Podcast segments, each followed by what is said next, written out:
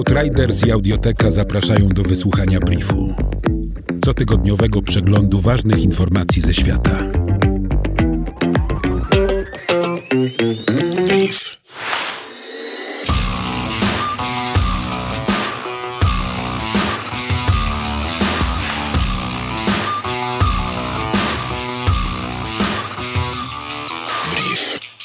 Według Organizacji Narodów Zjednoczonych 52 tysiące mieszkańców prowincji Kunduz w Afganistanie zostało wysiedlonych wewnętrznie z powodu starć talibów z armią afgańską. Uchodźcy zostawiają swój dobytek w środku sezonu zbiorów kantalupy, odmiany melona cukrowego, nie otrzymując pomocy od rządu ani organizacji międzynarodowych. Ich sytuację pogarsza pandemia COVID-19, korupcja na każdym poziomie władzy oraz brak funkcjonariuszy policji. Najnowsze badanie wykazało, że w czterech afgańskich prowincjach od 50 do 70% stanowisk policyjnych w rzeczywistości nie jest obsadzonych. W zamachach zorganizowanych przez talibów w ostatnim tygodniu sierpnia bieżącego roku zginęło w Afganistanie kilkanaście osób. Rozmowy na rzecz ogólnokrajowego zawieszenia broni między rządem a przedstawicielami talibów opóźniają się w związku z poślizgiem w procesie uwalniania przez władze Afganistanu talibskich więźniów. Według raportu ONZ opublikowanego w lipcu bieżącego roku, w pierwszych sześciu miesiącach 2020 roku w wyniku aktów przemocy zginęły w Afganistanie 1282 osoby. W pierwszej połowie 2020 roku na obszarach wiejskich w kilku stanach północnej Nigerii Kaduna, Katsina, Niger, Plateau, Sokoto, Taraba i Zamfara w wyniku ataków i uprowadzeń zginęło co najmniej 1126 osób, podaje Amnesty International. Eskalacja przemocy trwa od kilku lat i wiąże się z działaniami bandytów, uzbrojonych handlarzy bydła oraz starciami o dostęp do ziemi między pasterzami a społecznościami rolniczymi. Grupy zbrojne plądrują i podpalają wioski oraz porywają ludzi dla okupu. Akty przemocy zmusiły wielu rolników z rodzinami do opuszczenia swoich domów i uniemożliwiły uprawę pól w porze deszczowej 2020 roku. Tylko w stanie Katsina co najmniej 33 130 osób znalazło schronienie w obozach dla przesiedleńców, a wiele innych wyemigrowało do miast. Amnesty International zwraca uwagę, że za brak ochrony ludności odpowiadają władze stanowe i rząd federalny.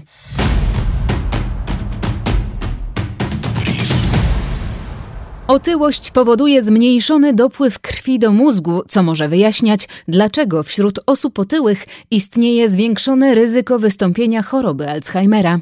Badanie 17 721 osób wykazało, że im wyższy wskaźnik masy ciała BMI, tym niższy przepływ krwi do pięciu obszarów mózgu, które są szczególnie wrażliwe w przypadku choroby Alzheimera: płatów skroniowych, płatów ciemieniowych, hipokampu, tylnego zakrętu obręczy i przedklinka.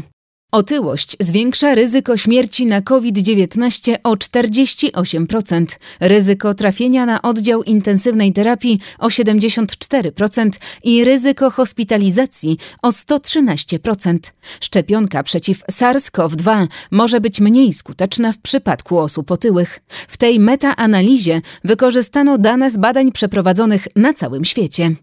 Brytyjski think tank Institute for Public Policy Research zachęca do wprowadzenia podatku w wysokości 8% na niezdrową żywność, która przekracza określoną gęstość energetyczną lub liczbę kalorii.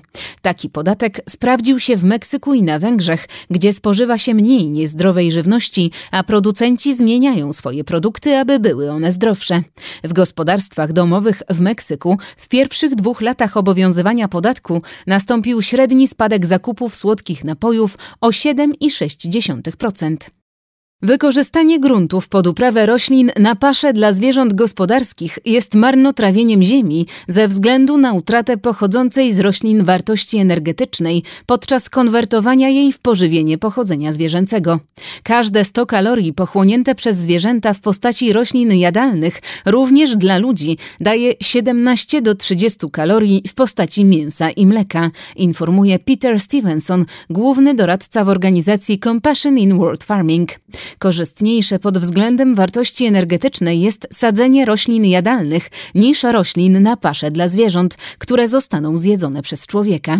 Rozwój hodowli zwierząt na całym świecie oraz wzrost popytu na mięso i nabiał są uważane za kluczowe czynniki wylesiania, które narażają na wyginięcie dzikie gatunki zwierząt ważne dla funkcjonowania łańcucha pokarmowego. Brief Outriders. Nowe wydanie co piątek do posłuchania na lekton.audio ukośnik brief. Powtórki przez cały kolejny tydzień na Spotify i w Twojej aplikacji podcastowej.